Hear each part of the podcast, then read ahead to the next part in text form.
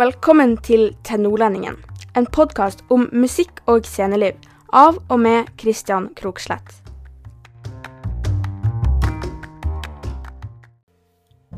Siden mars i fjor har jeg hatt en føljetong på nettsida mi som jeg har kalt hashtag min kollega. Der presenterer jeg ukentlig en av mine scenekollegaer som jeg har møtt eller blitt kjent med gjennom min karriere. Og denne podkasten her, den er i grunnen eh, en forlengelse av det prosjektet der. Og her på podkasten har jeg lyst til å presentere og prate med et eh, utvalg av mine kollegaer og andre som har ulike funksjoner innenfor eh, kulturbransjen. Og la dere, og ikke minst meg sjøl, bli litt bedre kjent med dem. Mikael Rønberg er min første gjest. Han kommer opprinnelig fra Sverige, men har bodd og jobba i Bodø siden 1995. Han er en stor kapasitet for byens og regionens kulturliv, og har drevet med en imponerende mengde varierte ting i de to og et halvt tiårene han har bodd her. Her får du høre vår samtale.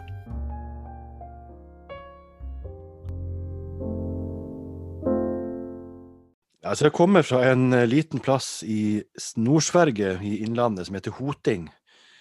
Eh, som ligger langs eh, Innlandsbanan, eller riksvei 45, som mange kjenner. Jeg vokste opp i huset til min farmor og farfar sammen med pappa og mamma. Og eh, pappa spilte gitar i band. Mamma spilte også gitar og sang, men mest i kirka. I misjonskirka til min tante. Eh, så den første liksom, livemusikken tror jeg som jeg fikk oppleve, det var vel nok eh, når jeg var med på søndagsgudstjenestene i misjonskirkene i Hoting, rett og slett. Men hvordan det begynte ellers, det, var, det, det begynte nok med sang, tror jeg. Mm. Så jeg var, jeg var, tidlig veldig glad i å synge, og um, det var også det var også min, min, farmor og min tante, altså min faster Britt, som hun heter på, på svensk, eh, sang mye. Eh, og, og når jeg begynte i barnehage og på skole og sånn, liksom, og lærte sanger, da, da, da lærte jeg liksom, da fremførte jeg liksom alltid de sangene som jeg hadde lært meg på skole eller på barnehagen når jeg kom hjem. da. Mm. Så fremførte jeg de for farmor og farfar. De var liksom mitt første publikum. Eh, og jeg hadde, hadde, nok en viss sånn teft på å lære meg tekster. Så jeg, mm. jeg, jeg, tok det fort. Og de konsertene i kjøkkenet til farmor og farfar de kunne etter hvert bli ganske lange. Men du, eh, var, var, var, det sånn i den svenske skolen at sang var en naturlig del av skolehverdagen? Ja, så jeg husker at vi sang mye. Eh, sang mye i barnehagen eh, før skolene. Ja. Mm. Eller dagis, som man sa. Eh, så, eh, så, sang man mye. Og vi, jeg husker at vi sang mye også når jeg gikk i de første årene på barneskolen. Men du er jo, du har jo altså Vi kjenner deg jo som pianist, organist. Når, når tid kom tangentene inn i bildet? Du kan jo si at det første på en måte, instrumentet mitt, eller det første jeg spilte på, ja. sånn, det var egentlig pappas sin platespiller. Ja. Og den, eh, den oppdaga jeg tidlig. Eh, den og radioen. Mm. Altså, jeg hørte mye på radio og lytta til musikk. Eh, Svensk Toppen, for eksempel, på søndagene var et fast innslag. ja.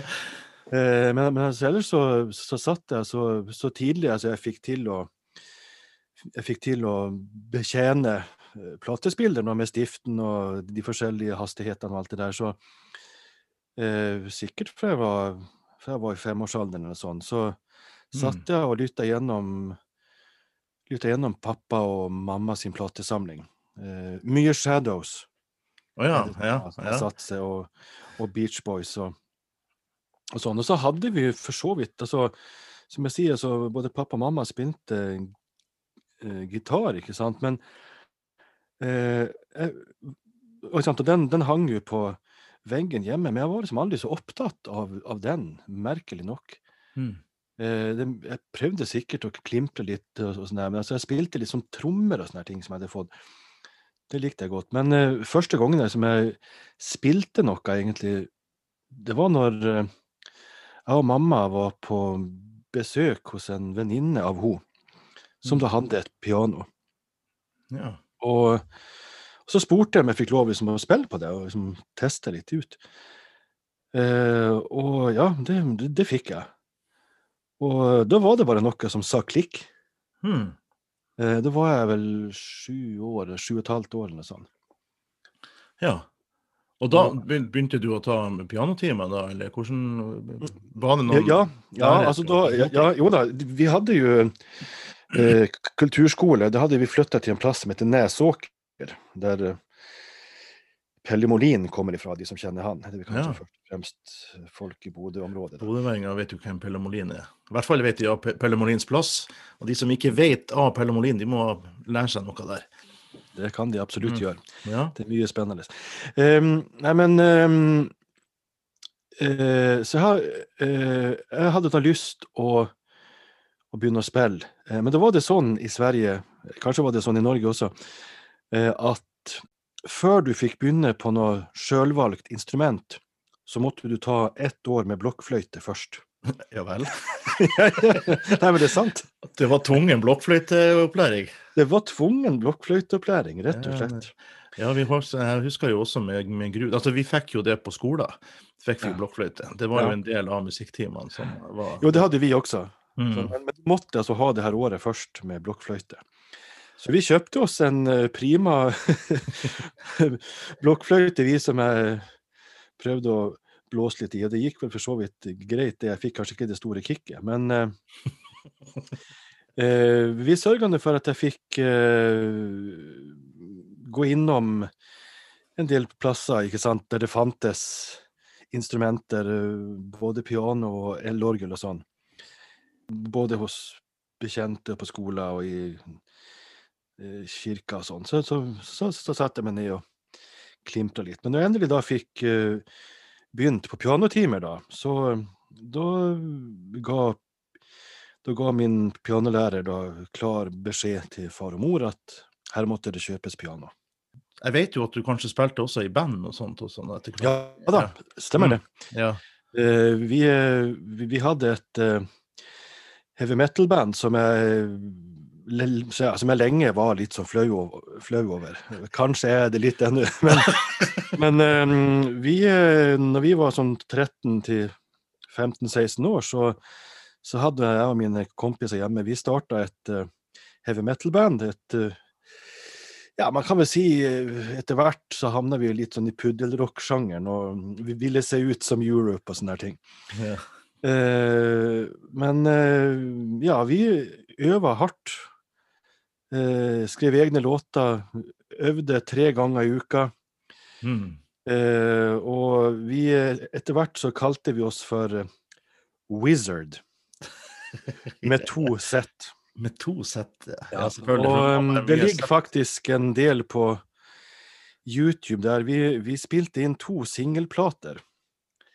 Hør der. Eh, og etter hvert, de siste årene så har de her blitt oppdaga av sånne her, eh, som det heter, um, obscure metal fans. Eh, I eh, Spania og Italia og i Canada og i, overalt i verden. Som er helt eh, gira på de platene her. Og eh, de selger vi nå til høystbydende. Eh, og de går altså for over fem over 50 euro per plate. Men, men det som er dumt, er at nå har vi ikke flere plater igjen. Oh, ja. Men nå er det altså Det her er, det her er helt nytt. Det, Ja. det fikk jeg vite for noen dager siden. Jaha. Når vi, når vi var 13-14-15 år, da altså Vårt største og høyeste ønske var jo å få en platekontrakt. Sant? Ikke sant? Ja. Og vi hadde store vyer om å ta over Eller om verdensherredømme i, i heavy metal-verden. Eh, vi, vi kom jo aldri dit, da. Nei. Og vi fikk heller ikke noen platekontrakt. De to platene det måtte vi betale sjøl. Men nå har vi altså blitt kontakta av et plateselskap i Var det Spania? som eh, vil gi ut våre to plater på nytt. så nå, eh, 35 år etter, så har vi faktisk Så- fått et tilbud fra et plateselskap. Ja, se der. Så Ja, det må- skam den som gir seg. Ja, ikke sant? Man må bare være tålmodig og holde ut. Man Vet aldri Ja, hva som skjer. ja. Men, men eh, Ja, så var det band, og så var det Og etter hvert så ble det studier da på piano. Ja, det ble det. Jeg kom inn på musikklinja i Østersund og måtte reise på hybel, og så gikk jeg folkehøyskole i Hernusand. Og så um, kom jeg av en tilfeldighet uh, innom uh, en kompis som hadde begynt å studere i Trondheim. Mm. Det var mange i Østersund og i Jämtlandsområdet som studerte på konservatoriet i Trondheim på den tida. Og jeg skulle egentlig begynne på eh, Musikkhøgskolen i Ørebro. Ja. Men så fikk jeg en eh, langvarig senebetennelse, og, eh, og måtte, måtte ta eh, permisjon fra det første året på Musikkhøgskolen i Ørebro. Og det jeg gjorde istedenfor, det var at jeg fikk et sånt ekstraår på folkehøyskolen da. Mm. Og i løpet av det året så var det da en ei venninne som anbefalte meg å søke til Trondheim, for der var det en helt fantastisk pianolærer som jeg måtte bare høre og, og møte. Mm. Eh, og eh, jeg tenkte det at eh, det kan vel ikke være noe dumt, det, så jeg dro til, dro til Trondheim og prøvespilte på piano og orgel. Mm. Jeg, kom, jeg kom inn på begge, faktisk. Eh, men eh, jeg valgte å ta piano som hovedinstrument, og da var det helt sant som eh, venninna mi og Anna Anna Sønstrøm, Otevik, Ja. hun, hun kjenner jo Ah, du. Ja, ja, ja, det kjenner vi jo godt til. Det var helt sant, var helt sant som Anna hadde sagt. Det, han var en fantastisk lærer og en fantastisk musiker, han Jørgen Larsen, som jeg studerte hos i, i Trondheim. Så da var du, og du, jeg vet, du var også eh, Bjarne Fiskum og Øyvind Gimse var også Ja da, vi, Ja. vi spilte jo Jeg var Mm. Aktiv og spilte mye kammermusikk og um, fikk til og med være solist med Trondheimssolistene en, en, en gang. Det er jeg fortsatt veldig stolt over. Ja, ja. Nei, men flott. Jeg husker jo, jeg var jo, jeg var jo begynt på musikklinja i Bodø da det var en, en langhåra svenske som kom til Bodø. Ja, det var den gang. Det var den gang, ja. Eh, For du kom etter hvert nordover til Bodø, og eh, I 1995. ja, stemmer det. Mm. Hva var det som trakk deg til Bodø?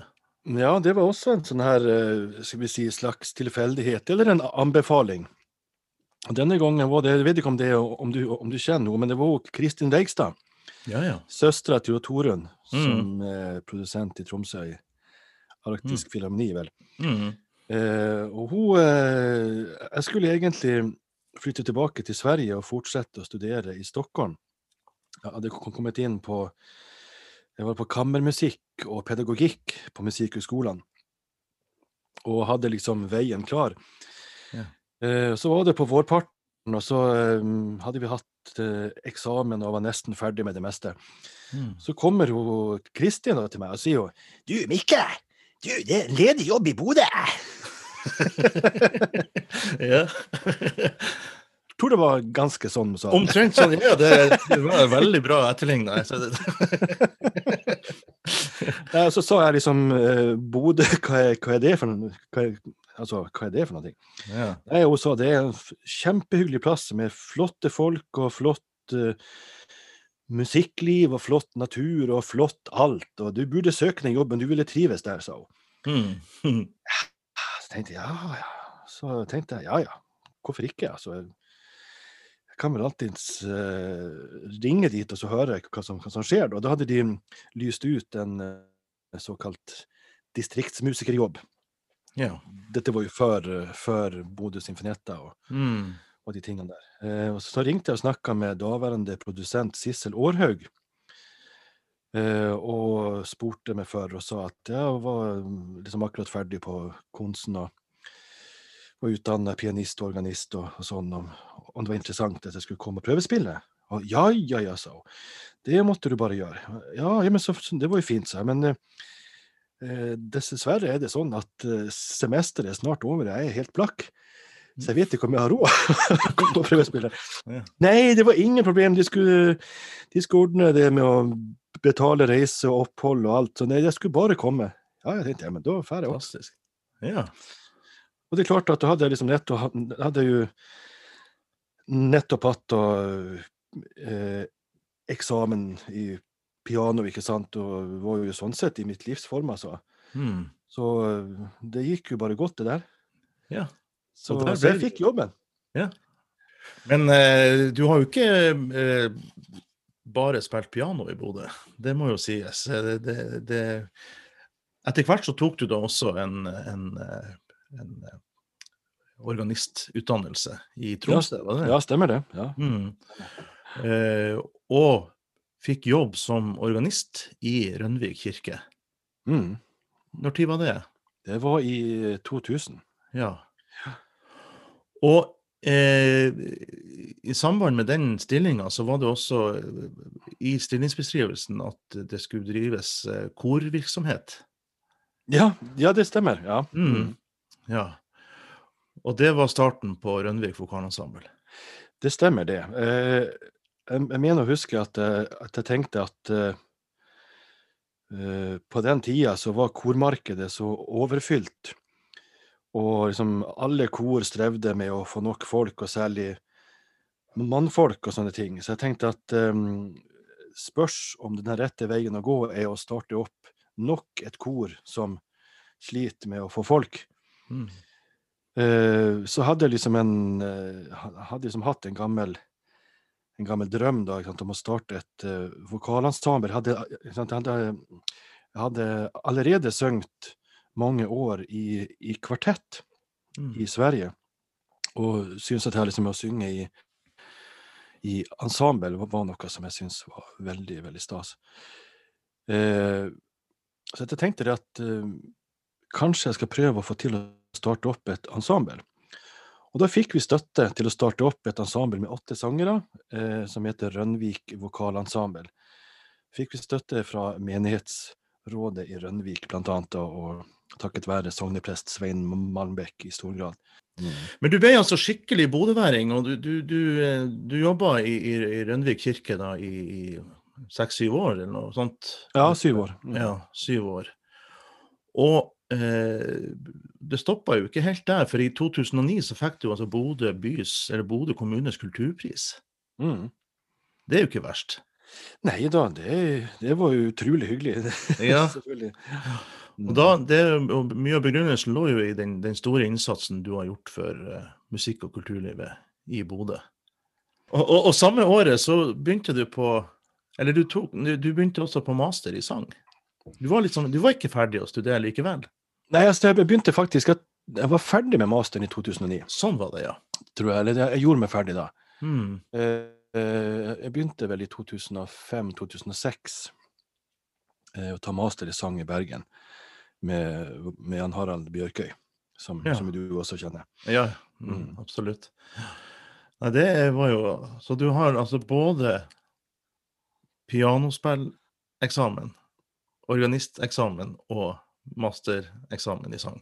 Jeg har jo lest litt grann, eh, om, om, eh, om deg, da. Selv om jeg kjenner deg godt, så er det jo alltid sånn at man, eh, man, man er gode kollegaer og gode venner, og sånt, og så kjenner, men så begynner man å lese litt på hva man har gjort og sånt. Jeg visste jo ingenting om at du har fått en opera skrevet til deg.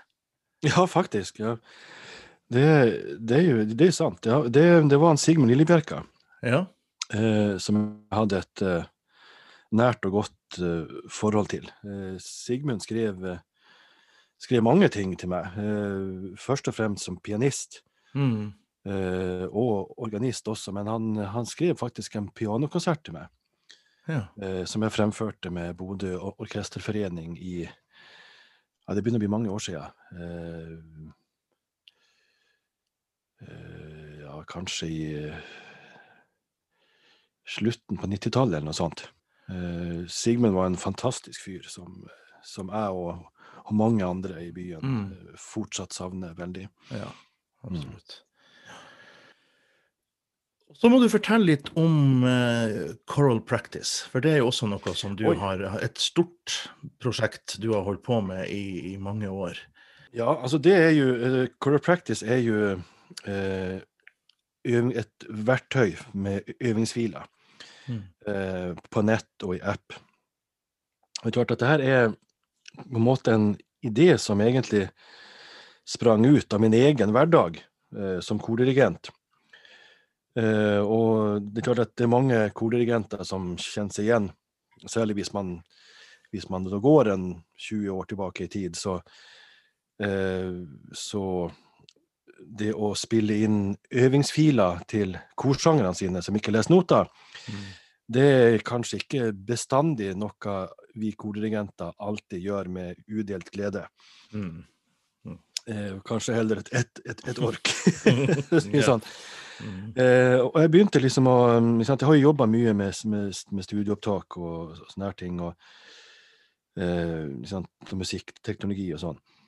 Eh, vi begynte liksom tidlig å tenke på om det ikke kunne være noen måte å på en måte lage et eh, dataprogram eh, for å liksom eh, synkronisere eh, sangfiler mot notevisning.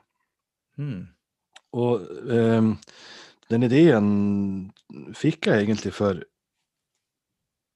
ja, jeg lurer på om det var faktisk i om det faktisk er, om det var i 2000, altså rett og slett 20 år siden. Mm. Jeg var på motorsykkelferie med min venn Rune Pettersen.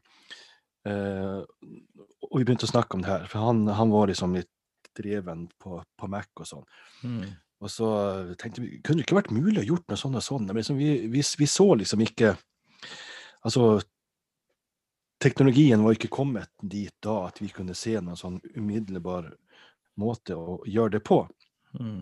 Men, eh, men etter hvert, eh, når jeg fikk meg kontor i Mediegården eh, i 2007 eller noe sånt Det var Thomas Evjen som drev dette Mm. huset.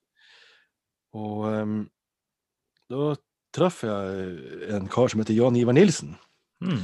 som, som du også kjenner, som jo yep. er en, en, en mann som er veldig kreativ og kjapp i hodet. Mm. Og så begynte jeg liksom å lufte dette her med, med, med han. Er det her noe man kan, kan gjøre? Ja, ja, ja, ja, ja, sa han. Det kan, ja, nei, det, kan, det, det, det ordner vi i morgen. Ja, ja. Ja. Så han var, han var med med en gang. ja da, og han lagde jo en eh, prototype på dette her, da. Mm. Eh, og så så vi faktisk men det her kan man jo kanskje få til. Og så begynte vi å snakke med folk og søkte penger fra Innovasjon Norge og med flere. Mm. Eh, og fikk liksom utvikla dette her da, til en app. Mm. Eh, og eh, vi satsa mye tid og mange år på, på å utvikle dette. Eh, eh, kanskje var ikke tiden moden for en sånn tjeneste når, vi lanserte dette i 2011-2012. Eh, den- finnes fortsatt Mm. eh, nå. Eh, Coropractice.com eller coropractice.no, eller søk Mm. på AppStore og, Mm. og sånn. Og der finnes det både Hendels, Messias, Mozart Requiem, Forer Requiem med mere, med mere, med mere. Eh, der man kan da på en måte eh, lære seg stemmen sin. Eh, og du kan kontrollere nivåene på hver enkelt stemme, samtidig som du kan se et synkronisert notebilde foran deg. Det er et, det er et kjempegodt verktøy, altså selv om man leser noter. Ja, ja. Og det som er også ekstra fint med det, som, som er, det er jo det at det er ekte sangere som, eh, som har sunget Ja. dette inn, så du kan høre det på, med tekst og alt. ikke sant? Nemlig, og det var jo også et viktig poeng. Mm. Fordi at det er klart at når man skal øve inn ting, og du skal sitte liksom og høre på dette, eh, liksom en øvingsfil av noen som har spilt inn eh, liksom på en, med en dårlig syntlyd, eller dårlig datalyd, eller Mm. en midi-fil, ikke sant? Ikke sant? Som, som er litt sånn maskinell da i sin, i sin karakter, så klart at så, så blir man veldig fort veldig fort trøtt og, og sliten av å når vi hører på de lydene. I tillegg så får man ikke med seg teksten. Mm. Men, men her, så, her så, så får man jo stemmen sunget av en, av en proff sanger med flott klang, med tekst, med uttrykk mm. og det hele. Så jeg tenker jo at det er en, en veldig god måte å lære inn eh, lære inn eh, korstemmer på. Mm. Ja. Du, eh, men det har jo også vært andre typer sjangre som har vært bedrevet. Altså, vi, vi har jo en felles eh, fortid, eller, eller ikke fortid, men altså, vi, vi har jo vært innom, sveipa innom Norsktoppen en gang. Eh, Det har vi gjort. vi, kan, vi kan jo ikke prate, ja, du i lag, uten å komme eh, innom Christers. Nei, det kan vi ikke, og det, det skal vi virkelig gjøre. Ja.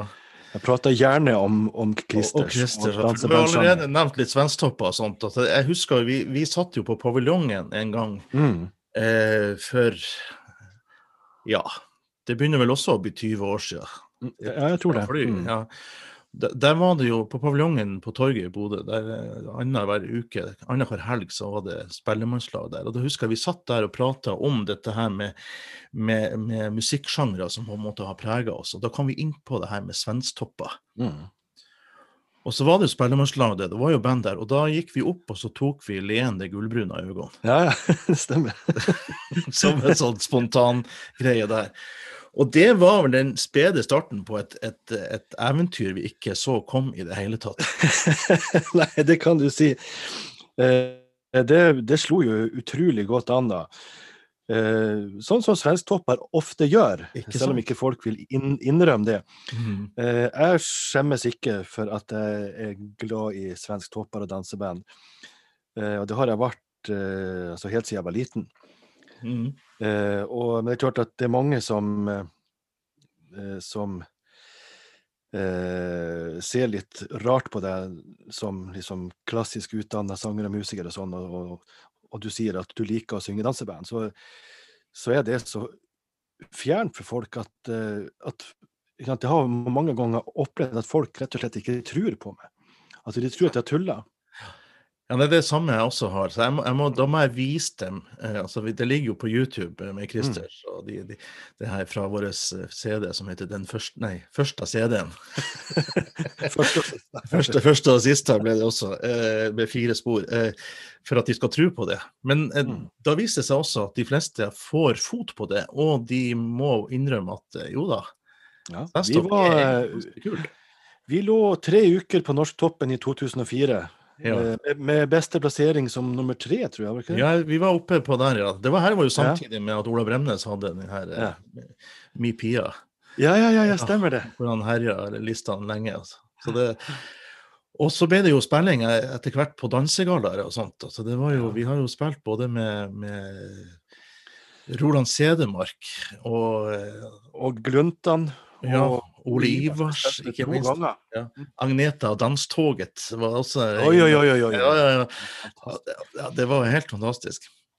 Men, men eh, jeg tenker jo at, at eh, uansett sjanger, altså, så er det jo noe med at man Det er jo en musikk som, som eh, samler folk, og som gir glede og danseglede og i det hele tatt. Så det, og det er, ikke, det er ikke en sjanger som man bare kan fisle med, heller. Ja, Det er jo det som er, ikke sant? Altså, at, at folk eh, Altså folk flest, eller eller skal jeg si ikke sant? Altså, musikere flest, de har jo en forestilling om at danseband det er jo så lett, det er jo så enkelt å spille.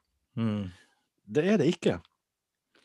Og, og, og det oppdager man først når man, skal, når man skal prøve å spille det. Og jeg vet at det er mange i, i vårt band, Mm. eh, Christers med sett, Ja, som eh, fikk seg en liten aha-opplevelse at nei, men det var ikke bare å få det til å låte som Nei. Vikingene eller Sven Ingvars eller, eller ikke sant? Det er at det er, litt, det, altså det er det samme som om du skal altså, Du må lære deg en fremføringspraksis. Altså, på samme måte som du skal, hvis du skal spille eh, eh, spille Bach eller Händel eller Beethoven eller Mm. Brahms. Ikke sant? Du må lære deg kodene. Ikke sant? Sant? Altså, hvordan får jeg dette til å låte sånn som det skal. Det er ikke bare å sette seg ned og spille. Du må jobbe med det. Og det, det, det, det syns jeg er veldig sånn håpefullt også. Det er veldig sånn at, at, eh, at man må gjøre ting ordentlig. Rett og slett. Det oppdaga vi jo fort at det var at vi måtte, at vi måtte det. Og det er jo et, det er, Publikummet der de, de, ta, de, sier fort ifra om det ikke er dansbart og ikke den rette, har den rette feelingen. Nei, altså, Hvis det er feil tempo, da kan du bare gå hjem. Ja. det er råtne tomater neste. Ikke sant. eh, nå leste jeg nettopp at, eh, at eh, det spøker litt for dansebandsjangeren i Sverige nå pga. den koronaen.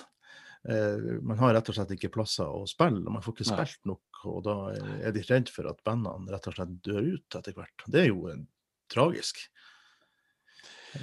Det er det, men klart at vi får jo håpe at det gir seg, gir seg snart, da. Hvordan har eh, koronaåret vært eh, for deg? Det har vært, det har vært både òg. Det har jo gitt noen anledninger til å få roa ting litt ned. Mm. Eh, få slappa litt av og reflektert litt. Samtidig har det vært veldig eh, frustrerende. Mm. Ikke sant? Eh, at man ikke liksom Alle avlysningene, de tingene som man har planlagt, all den bortkasta jobben.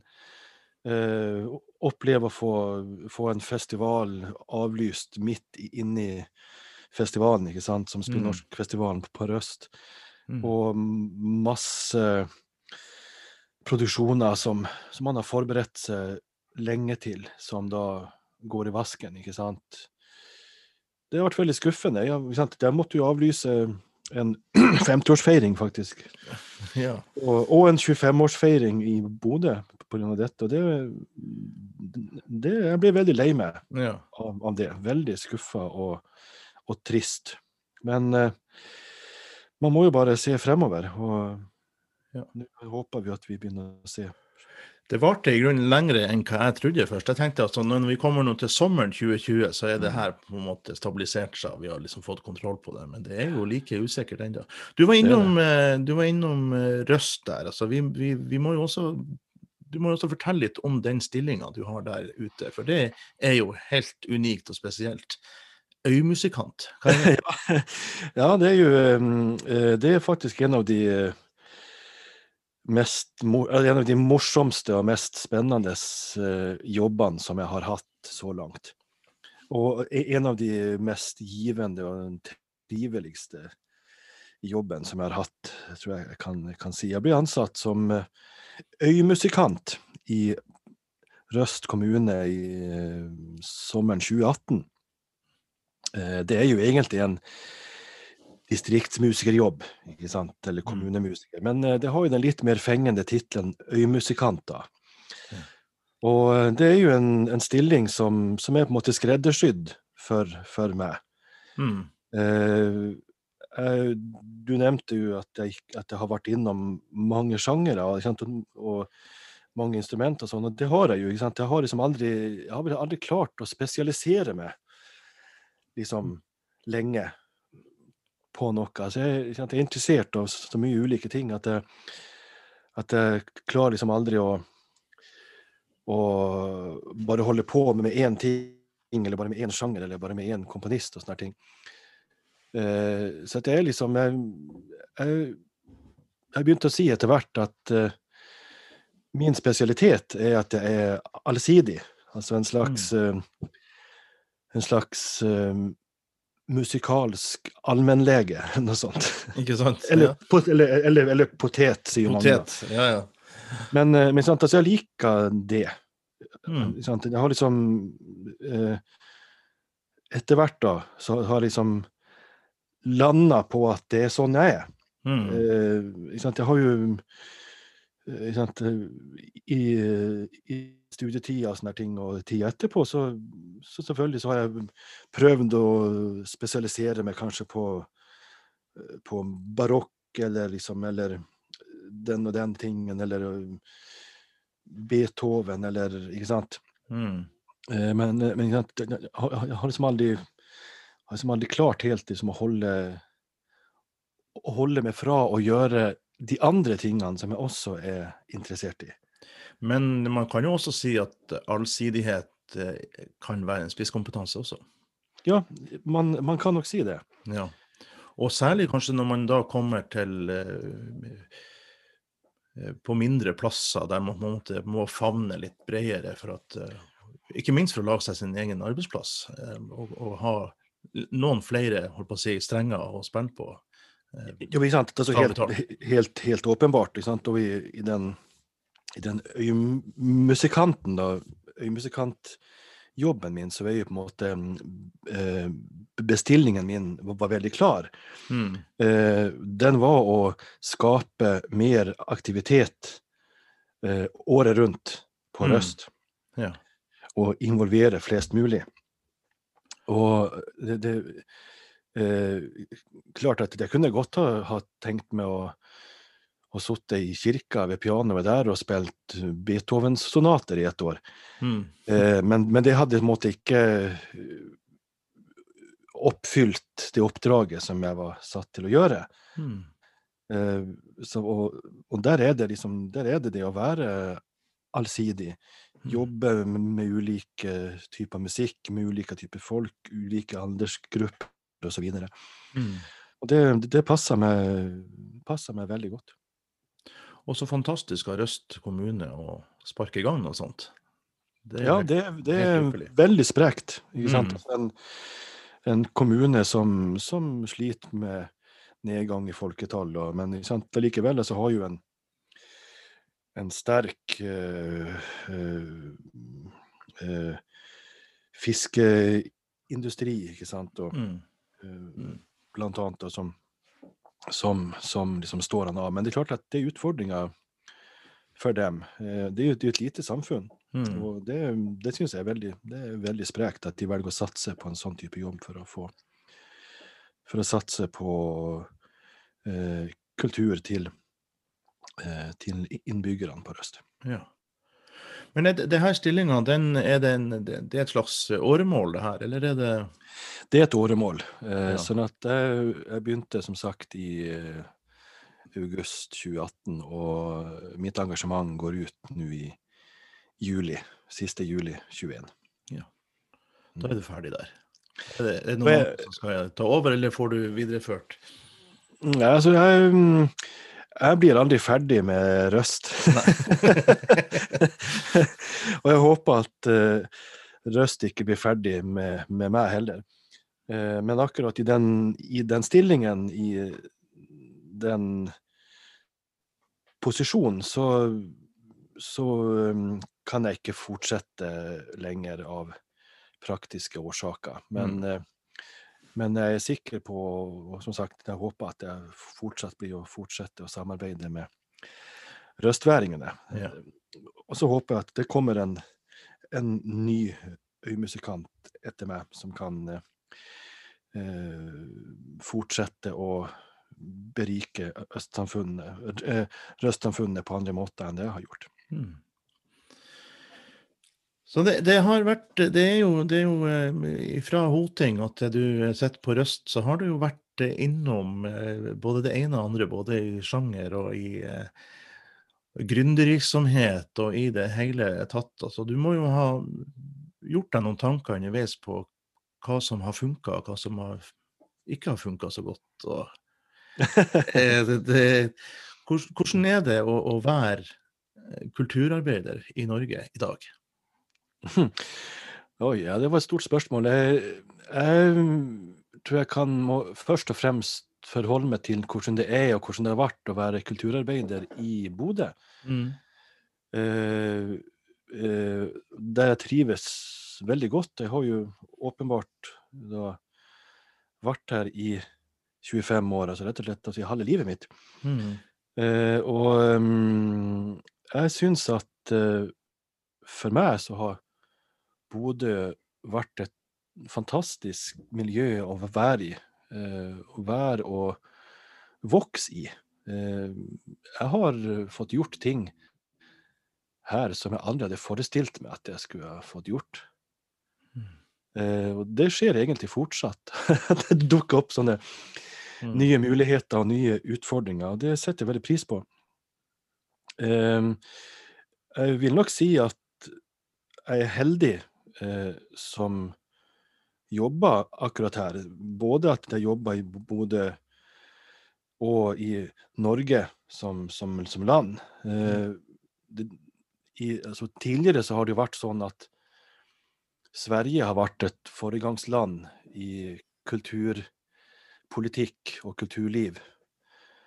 Eh, men det har jo snudd seg fullstendig på hodet de siste 25 år. Eh, og um, jeg, er veldig lei meg for å se hvordan kulturlivet, både liksom type eh, landsdelsmusikerordninger og distriktsmusikerordninger og kulturskoler bygges ned og faktisk legges ned. Det syns jeg er trist. Så at uh, jeg er uheldig at jeg er i At jeg er det der jeg er. Mm. Rett og slett. Uh, selv om jeg ikke så det komme når jeg flytta hit. Mm. Men den utviklingen som har vært i mitt hjemland, det er trist å være vitne til. I, Norge så har man tross alt en helt annen holdning til kultur. Eh, selv om det kan skifte med ulik eh, politisk ledelse, både regionalt og nasjonalt, eh, så har man en mye en sterkere fundamentert holdning til eh, hva kultur betyr for folk i Norge, enn det som det ser ut som man har i Sverige. Men i Norge så er man flink å ta vare på, på det, og ikke minst gjennom et uh, prosjekt som heter Syngende kommuner, som jeg også får jobba med nå gjennom jobben på Røst, som er en av fire eller fem syngende kommuner i Norge nå. Eh, som er et eh, fantastisk prosjekt som handler om å, på en måte, å forankre sang, eller for å på en måte sørge for at det synges i alle deler av samfunnet, i alle andre eh, alle, alle, steder. Og det er veldig spennende å jobbe med. Og der så ser man virkelig hvor mye det betyr. Det å bare gjøre noe. Det er ikke det at det må være Alt må ikke spilles inn på CD liksom, eller fremføres på en, på en, på en scene, men det å synge sammen uh, i ulike sammenhenger, det betyr utrolig mye. Og gjør så utrolig mye og gir utrolig mye glede til, til folk. Og det er uh, virkelig noe som jeg tar med meg fra, uh, fra Røst, der liksom sangen står veldig sterkt. jeg tror aldri jeg har møtt så mange gode sangere og så mange som synger med sånn glede eh, eh, som, som, der. Altså et så lite samfunn, men med så utrolig sterke sangkrefter. Det, det har imponert meg voldsomt. Du Mikke, hva, er, hva, er, hva du vil si er høydepunktet i karrieren din hittil? Eh, det er utrolig vanskelig å, å si. Eh, jeg har jobba i så mange ulike sjangre, så mange ulike settinger. Eh, og liksom det man har opplevd måtte, Det så høydepunkt på ulike måter. Men hvis jeg skal grave frem det som kanskje er det sprøeste og morsomste og kanskje det største kicket, så må jeg nok trekke frem fremføringen av et verk som Eh, ble spilt inn på plate i 1969 i Stockholm av en mann som heter Jonny Bode. Eh, han ga ut en plate som het Bordell mammas visor. Ja. Eh, det er en, en sånn, vi sier en, en kultplate, underground-plate, med Man må jo si med et ganske uttalt erotisk innhold. Eh, den er aldri blitt fremført live. Men eh, vi gjorde dette på Sinus i Bodø og på, vinterfest, eh, på vinterfestuka i Narvik. Mm. og sammen med bl.a. Anders Alterskjær og Sveinar Aase. Og som jeg sier, det var fullstendig galskap. Eh, men eh, det er, må jeg nok trekke frem som kanskje det som et høydepunkt. Både måten som forestillingen ble gjennomført på, og det å observere publikums reaksjoner på det vi gjorde, det var helt ellevilt. Det glemmer jeg aldri. Vi skal jo ikke sitere så mye derifra her, men det er jo ganske direkte i språket. Altså det, hvor det fortelles om det er, ikke, det er ikke mye som passerer som politisk korrekt, nei. nei. men uh, hylende morsomt og fullstendig sprøtt. Hvordan, hvordan, er det fremført? da? Er det, er det, er det så vovete som det høres ut, eller man, kjører man fremføringa i en litt annen stil? Ja, altså, Det som jeg tror gjorde at dette funka så bra, det var jo på en måte Anders Alterskjær som la en veldig stram eh, regi på dette her. Eh, at eh, vi skulle ikke flire av oss sjøl, vi skulle ha publikum flire av, av, av, oss.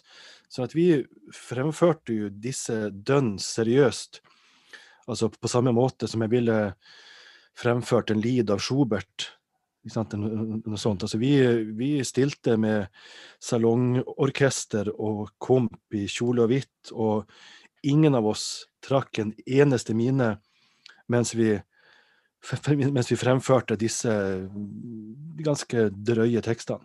Og ja, publikum eh, Vi visste ikke hva de skulle gjøre av seg. Jeg har aldri sett folk flire så mye. Det var et kick. De var tatt på senga, for å si det bokstavelig. Bravo.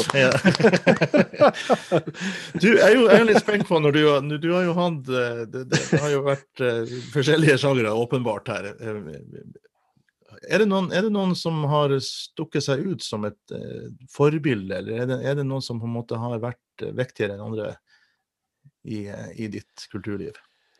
Uh, ja, jeg har, jeg har, tenkt litt på det. og når jeg begynner å tenke på det, så ser jeg at det er veldig mange. Eh, jeg har veldig, veldig mange ulike eh, personer og musikere som jeg ser opp til. Altså, det er nesten sånn at jeg, jeg må si at jeg, jeg, driver veldig mye med å se, se opp til folk. Rett og slett. Eh, og ikke minst her i Bodø, men også ellers, så er det, så er det mange som jeg, som jeg er veldig imponert av og ser veldig opp til. Eh, men, men, men, det er klart at jeg har vært her i, i, i 25 år, og, og, en av de som jeg har samarbeida mest med, og som kanskje er den som jeg kanskje også vil fremheve her, det er min kollega og venn uh, Bjørn Ando Drage. Uh, han, de som kjenner han, vet jo at han er irriterende flink på alt. Altså, han, han, kan spille hva som helst. Hvilken sjanger som helst. Altså, alt fra gammeldans til de råeste nymusikktingene, ikke sant. Han er en fenomenal organist. Eh, han har en di disiplin som få. Mm. Eh, dirigent, komponist, eh, gudbenådet korarrangør, for å mm. nevne noe. Eh, fantastisk pedagog og lærer, og en trulig sånn omsorgsfull kollega. Jeg er veldig imponert av han. Det må jeg si.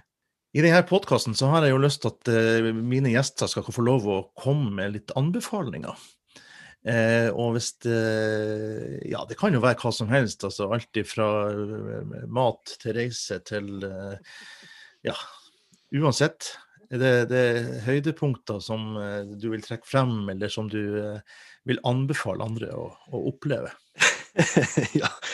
Eh, det er klart at mitt yndlingssted på jord, det er jo liksom hytta da, hjemme i Sverige. Men jeg tror at vi også i denne sammenhengen faktisk må til Røst. Rett og slett. Ja, jeg, jeg, jeg må si at det å oppleve Røst eh, som øy, som samfunn, som natur, som kultur, det er noe som jeg virkelig anbefaler folk. Det er liksom på en måte skal vi si, sentral-Lofoten, som, som, ofte liksom blir snakka om, og som folk eh, tenker at de må se. Men jeg vil virkelig slå et slag for å ta en tur til Røst. Det skjer mye der, og det har skjedd utrolig mye der. Jeg kan nevne eh, Kurini-operaen, f.eks. Eh, men det kommer til å skje mange ting der, mange spennende ting der fremover, bl.a. gjennom prosjektet Via Quirinissima. Det har vi ikke tid å snakke om nå. Men hvis det er én ting som jeg anbefaler fra Røst, og det er vi på det kulinariske, da, mm så er det tørrfisken. Sant? Eh, Røst lever av og har levd av tørrfisk i århundrer. Og jeg er veldig interessert i matlaging. Eh, og det hadde kanskje vært eh, Hvis jeg ikke skulle jobbe som musiker, så tror jeg at da hadde det kanskje vært matlaging som hadde vært min karrierevei. Eh, men alle som har kommet til meg eh, og besøkt meg på Røst, i den såkalte presteboligen, eh, de får servert tørrfisk, og de får servert på en spesiell måte. Den måten som jeg da mener er den ypperste, og det er den som, som jeg har fått lære meg av mine venner på Røst, og det er stoccafisso naturale. Altså, det er på en måte naturell tørrfisk. Det er eh, utvanna tørrfiskfilet som du trekker i lettsaltet vann.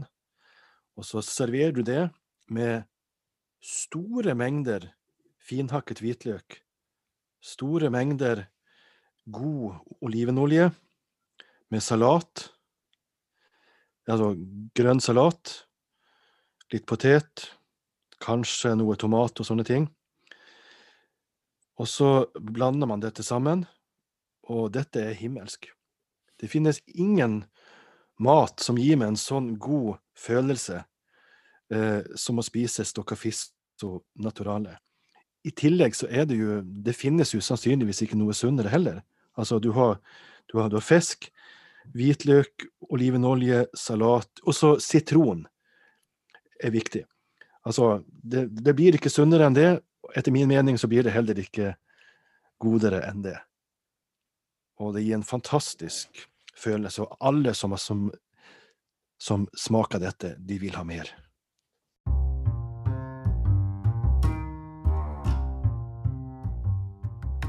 Denne podkasten er laga av meg, Kristian Krokslett. Abonner gjerne, og følg også gjerne Facebook-sida med samme navn. Der kan du sende meg en melding eller legge igjen en kommentar. Stikk også gjerne innom krokslett.no og les mer om mine kollegaer under hashtag min kollega. Tusen takk for at du hører på. Vær god, vær snill, og skap en god dag.